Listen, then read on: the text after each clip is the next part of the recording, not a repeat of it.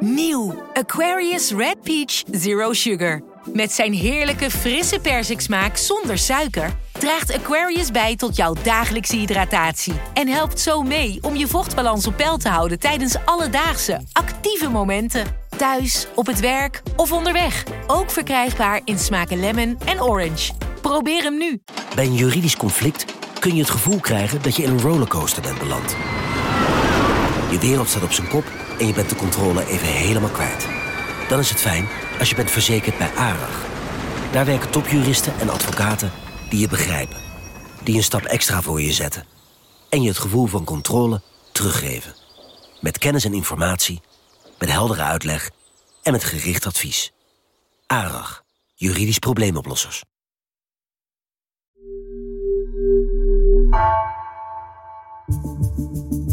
Vanaf de redactie van NRC het verhaal van vandaag. Mijn naam is Egbert Kalsen.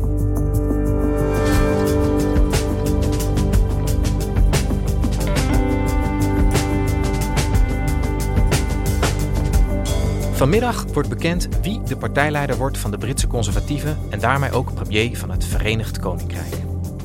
De vorige premier, Boris Johnson, moest wegens een reeks aan schandalen opstappen, maar hij is binnen de conservatieve partij nog steeds erg populair, vertelt correspondent Annemarie Kas. Krijgt de nieuwe premier het volk wel achter zich om de immense problemen in het land op te lossen? Of komen er snel nieuwe verkiezingen?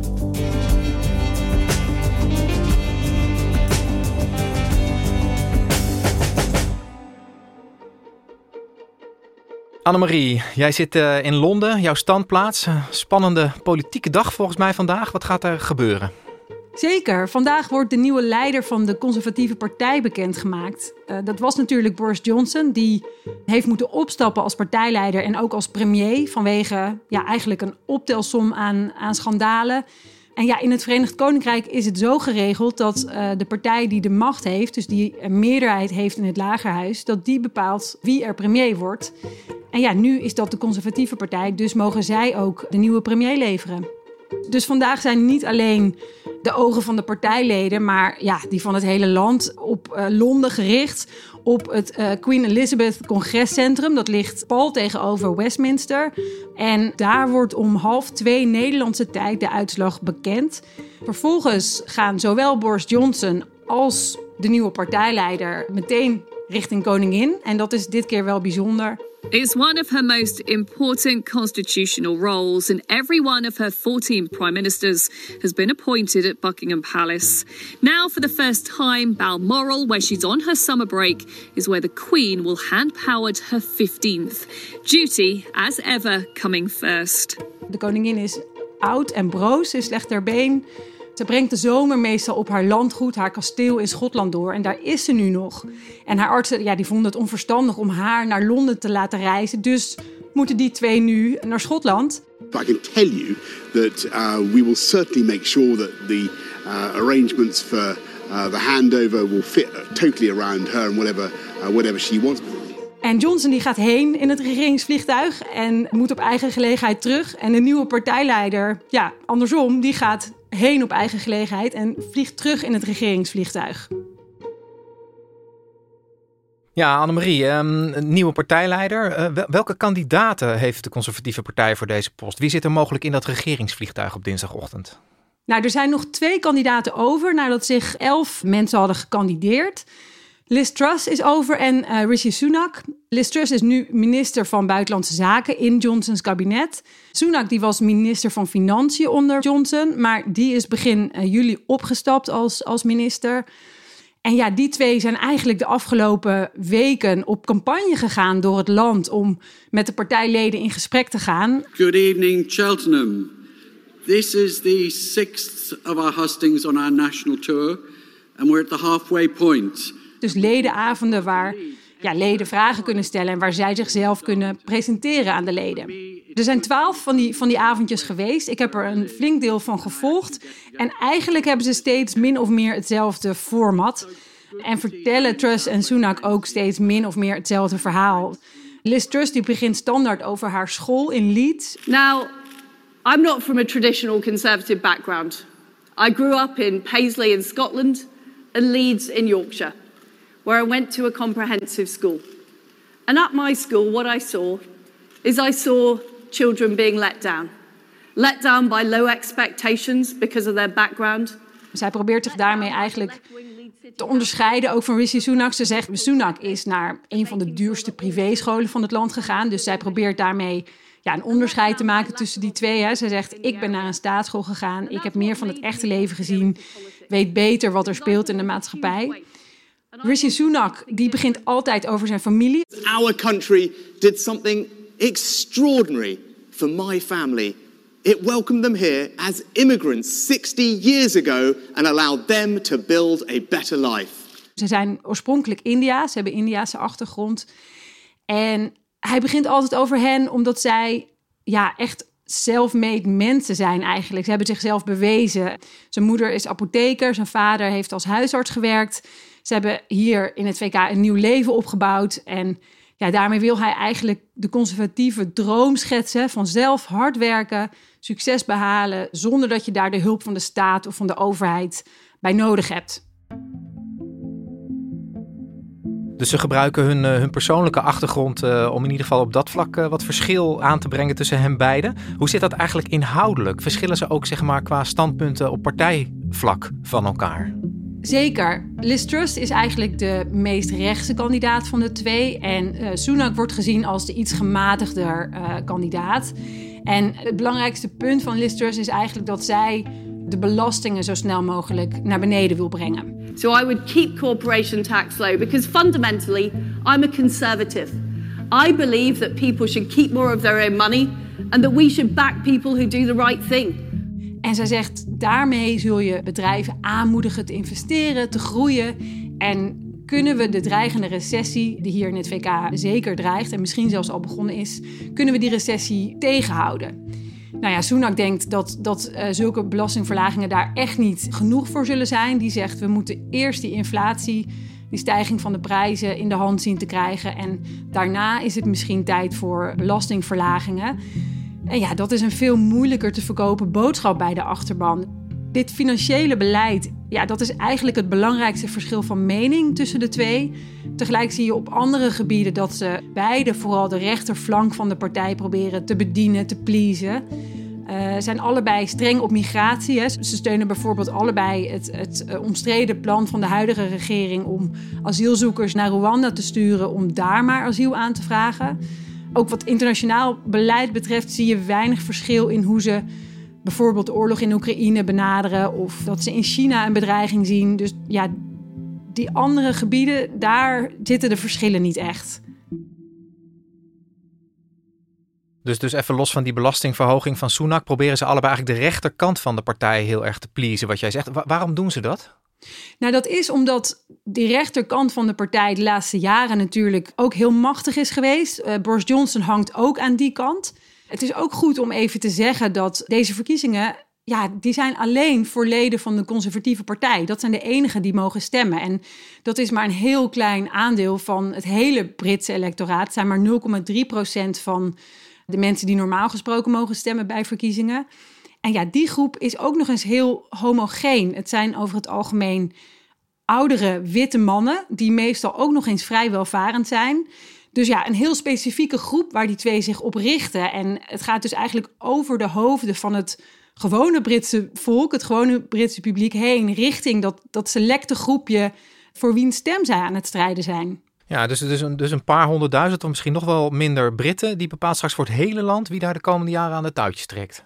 Ja, precies. Het, zijn naar schatting tussen de 160 en 200.000 uh, leden. Niet echt wat je noemt een representatieve groep.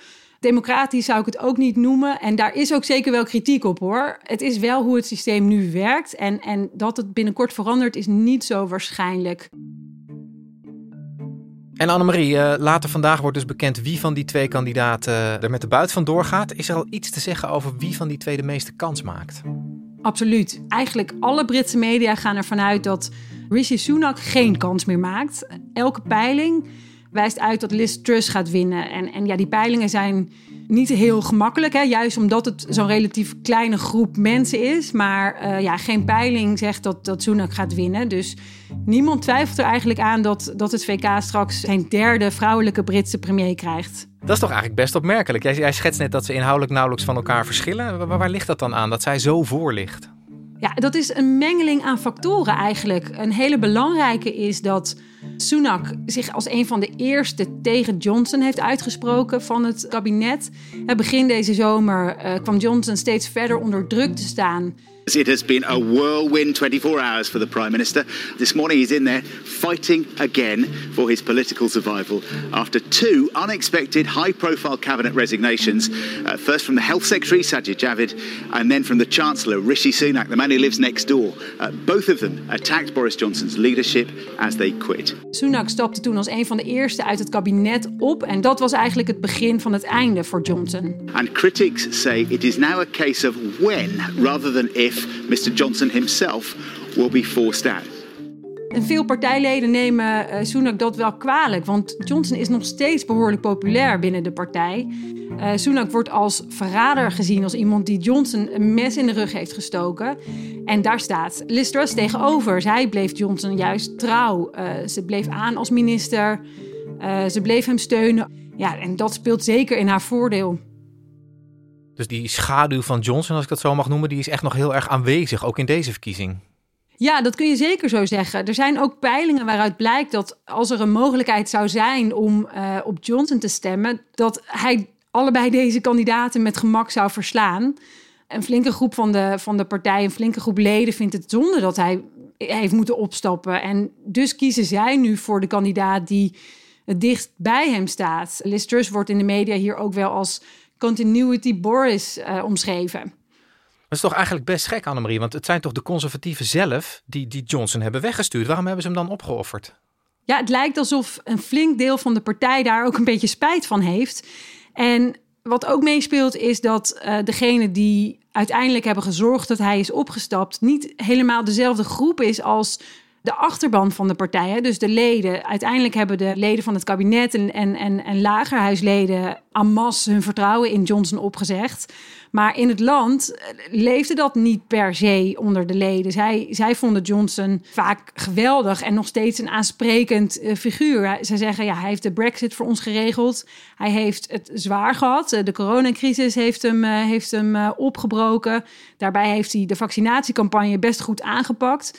Dus daar zit een contrast tussen het, de kern van de partij hier in, in Londen en, en de bredere achterban eigenlijk. Ja, en is er dan ook het risico dat, dat als deze strijd nou uh, zeg maar uitgevochten is, dat je dan ook een verdeelde partij overhoudt met zeg maar Johnson, uh, Johnson fans die, die achter Trust staan en mensen die achter Sunak staan die, die daar niet blij mee zijn? Ja, daar waarschuwen analytici en politiek uh, commentatoren natuurlijk wel voor. Hoe krijg je die flanken binnen de partij weer verenigd? Aan de andere kant, de kandidaten zelf hebben ook steeds gezegd: zodra bekend is wie er heeft gewonnen, scharen wij ons achter diegene. Maar of dat ook echt gaat gebeuren, nou ja, dat moeten we gaan zien. Goed, Liz Truss die, eh, die lijkt dus de gedoodverfde winnaar. Hè? Dat horen we later vandaag. Eh, los, los van wie er wint, wat voor land treft die nieuwe prime minister aan? Welke problemen moeten er op korte termijn worden opgelost in het Verenigd Koninkrijk? Ja, het is een land vol problemen inderdaad. Vergelijkbaar eigenlijk met problemen in Nederland en andere Europese landen, maar dan erger. The cost of living is pushing many families to breaking point, especially with winter coming and energy bills rising. Thousands of lives at risk and millions being plunged into poverty. Het VK heeft een van de hoogste inflatiecijfers van Europa. Het, het hoogste cijfer zelfs van de G7, van de belangrijkste industrielanden. Volgens voorspellingen gaat die inflatie nog verder toenemen tot wel 14, 15, 16 procent. Het is niet de vraag of het land in recessie komt, maar eh, wanneer die officieel wordt vastgesteld en of die één of twee of misschien zelfs drie jaar gaat duren. Allerlei beroepsgroepen staken omdat ze al jarenlang geen fatsoenlijke loonsverhogingen hebben gehad. De gezondheidszorg heeft grote problemen. De, de landelijke gezondheidsdienst NHS die is eigenlijk de, de coronacrisis nooit te boven gekomen. Er zijn enorme wachtlijsten voor, voor operaties en afspraken. 6,7 miljoen Britten wachten op de een of andere manier op een afspraak bij een arts. En ja, het echte acute probleem zijn de hoge energieprijzen. In oktober, dus volgende maand, stijgen die prijzen met 80% En ja, miljoenen Britten weten gewoon niet waar ze het geld vandaan moeten halen om, om die rekeningen te betalen. Voorspellingen zijn dat eh, het aantal inwoners dat in armoede leeft zal toenemen met 3 miljoen. Eh, op ongeveer 76 miljoen Britten is dat nou ja, in een westers ontwikkeld land eigenlijk niet voor te stellen. En, en heeft iemand als Liz Truss dan in die campagne over die hoofden van die conservatieve stemmers heen dan ook duidelijk gemaakt hoe zij dat probleem wil aanpakken? Wat gaat zij doen? Nou, daar is ze tot nu toe eigenlijk vrij vaag over geweest. Uh, ze heeft geprobeerd hè, om die belastingverlagingen te verkopen als maatregelen die de economie moeten aanzwengelen. Ja, voor, voor de armste inwoners hebben die maatregelen die zij, die zij aankondigt over belastingen bijna geen effect. Directe financiële hulp aan gezinnen die ja, hard nodig zou zijn, heeft zij juist uitgesloten. Ze zegt dan: uh, ik wil niet met de ene hand belastingen innen en met de andere hand geld uitdelen. The first thing we should do as conservatives is help people have more of their own money. What I don't support is taking people taking money off people in tax and then giving it back to them in handouts.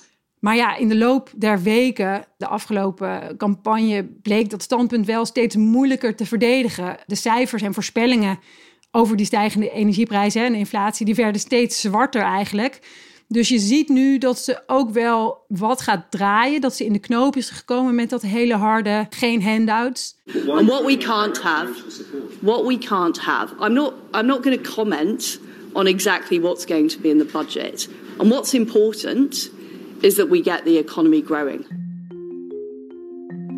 En, en is het nou ook zo dat zo'n partij, hè, de conservatieve partij, die, die dus heel erg met zichzelf bezig is, dat dat door politieke tegenstanders, dus in dit geval de Labour-partij, uh, omarmd wordt, zou ik bijna willen zeggen, gezien die hun kant? Ja, zeker. Uh, Keir Starmer, leider van Labour, inderdaad de belangrijkste oppositiepartij, die probeert al maanden om uh, te profiteren eigenlijk van die, ja, die hachelijke toestand bij de conservatieven. Dat lukte lange tijd niet echt. Hij stond wel op voorsprong in, in peilingen, maar lang niet zoveel als je zou verwachten, gezien alle negatieve publiciteit. Dat lijkt nu eh, te veranderen door dat energiedebat, dus door die stijgende prijzen. Ze, zijn onlangs met een enorm duur plan gekomen om uh, de maximale energieprijzen voor consumenten te bevriezen een half jaar lang. Dus om, om, uh, om Britten de winter door te helpen. Het kost enorm veel geld, 30 miljard pond. Maar ja, het is heel goed gevallen bij Labour, maar ook bij veel conservatieve kiezers. En nu zie je ook dat meer kiezers hem als premier zouden willen dan Liz Truss. Dus ja, bij Labour hopen ze natuurlijk dat straks na landelijke verkiezingen, die zijn pas voor 2024 voorzien, dat zij dan voor het eerst sinds jaren, sinds 14 jaar dan, uh, weer aan de macht zouden kunnen komen. Dus de, de verkiezingen die staan pas voor 2024 gepland, zeg jij. Nou gaan er ook altijd stemmen op die dan zeggen van... Uh, je hebt nu eh, wel het partijleiderschap en daarmee het premierschap gekregen... maar je zou eigenlijk ook redelijk snel algemene verkiezingen moeten uitschrijven... om een sterker mandaat te krijgen. Is dat debat nu ook alweer gaande? Ja, daar gaat het zeker over. En dat zou bijvoorbeeld Labour natuurlijk ook heel graag willen... omdat zij nu uh, momentum hebben... Maar het zou helemaal niet in het belang van, uh, van Truss of van de, van de conservatieven zijn om snel verkiezingen uit te schrijven. Want in 2019 hebben zij een enorme meerderheid uh, behaald onder Johnson. En ja, daar zal Truss zo, zo lang mogelijk van willen profiteren. Ik denk dat de kans dat er snel nieuwe verkiezingen komen klein is. En uh, pas zodra misschien ook de ergste crisis rond die energieprijzen, et cetera, is overgewaaid. Want dit is natuurlijk een ja, heel zwaar en donker moment om eventueel verkiezingen in te gaan als je, als je aan de macht bent en zo weinig doet om, om de bevolking te helpen. Dus zij hopen eigenlijk dat, uh, dat uh, Truss, of ja, nou, Truss kunnen we dan eigenlijk wel van uitgaan, hè, dat hij nog een tijdje kan surfen op, uh, op de meerderheidsgolf die Johnson geregeld heeft. ten slotte, Annemarie, Johnson zelf, wat, wat, wat gaat hij nu doen? Ja, daar wordt volop over gespeculeerd natuurlijk. Hij blijft in elk geval voorlopig aan als lagerhuislid, voor zover we weten. En verder gaat hij waarschijnlijk het snabbelcircuit in. Uh, lezingen houden, boeken schrijven, toespraakjes hier en daar, dat soort dingen. Daar, daar zal hij goed geld mee kunnen verdienen. Er is wel ook steeds speculatie of hij niet toch misschien wil terugkomen ooit. Hij zal zeker geen minister nu worden hoor, in het nieuwe kabinet. Dat heeft Truss ook wel uitgesloten min of meer. Maar een echte terugkeer als partijleider bijvoorbeeld, dat heeft hij niet uitgesloten. En dat wil hij blijkbaar ook niet uitsluiten. Bij het aankondigen van zijn aftreden in juli maakte hij ook een opmerking waardoor alle Britse media meteen dachten: oh, zie je wel, hij, hij wil terugkomen. And yes, the, the, the last few years have been the greatest privilege of, of my life. And it's true that I, I helped to get the biggest Tory majority for 40 years and a, a huge realignment in UK politics. Toen uh, maakte hij een verwijzing naar de Terminator, die natuurlijk ook altijd zegt dat hij terug zal zijn. I'll be back. Dat zei hij niet met zoveel woorden, maar hij zei wel. Mr. Speaker, uh, I want to thank everybody here and hasta la vista, baby. Thank you. Annemarie, dankjewel. Graag gedaan.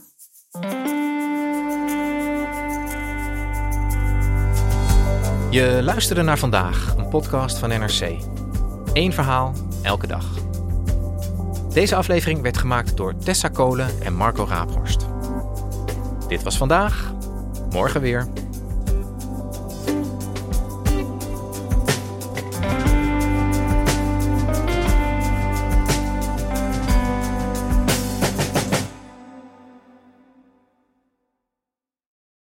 De financiële markten zijn veranderd, maar de toekomst, die staat vast. We zijn in transitie naar een klimaatneutrale economie. Dit biedt een van de grootste investeringskansen van onze generatie. Een kans voor u om mee te groeien met de pioniers van morgen. Meer weten? Ga naar carbonequity.com. Carbon Equity. Do good by investing better.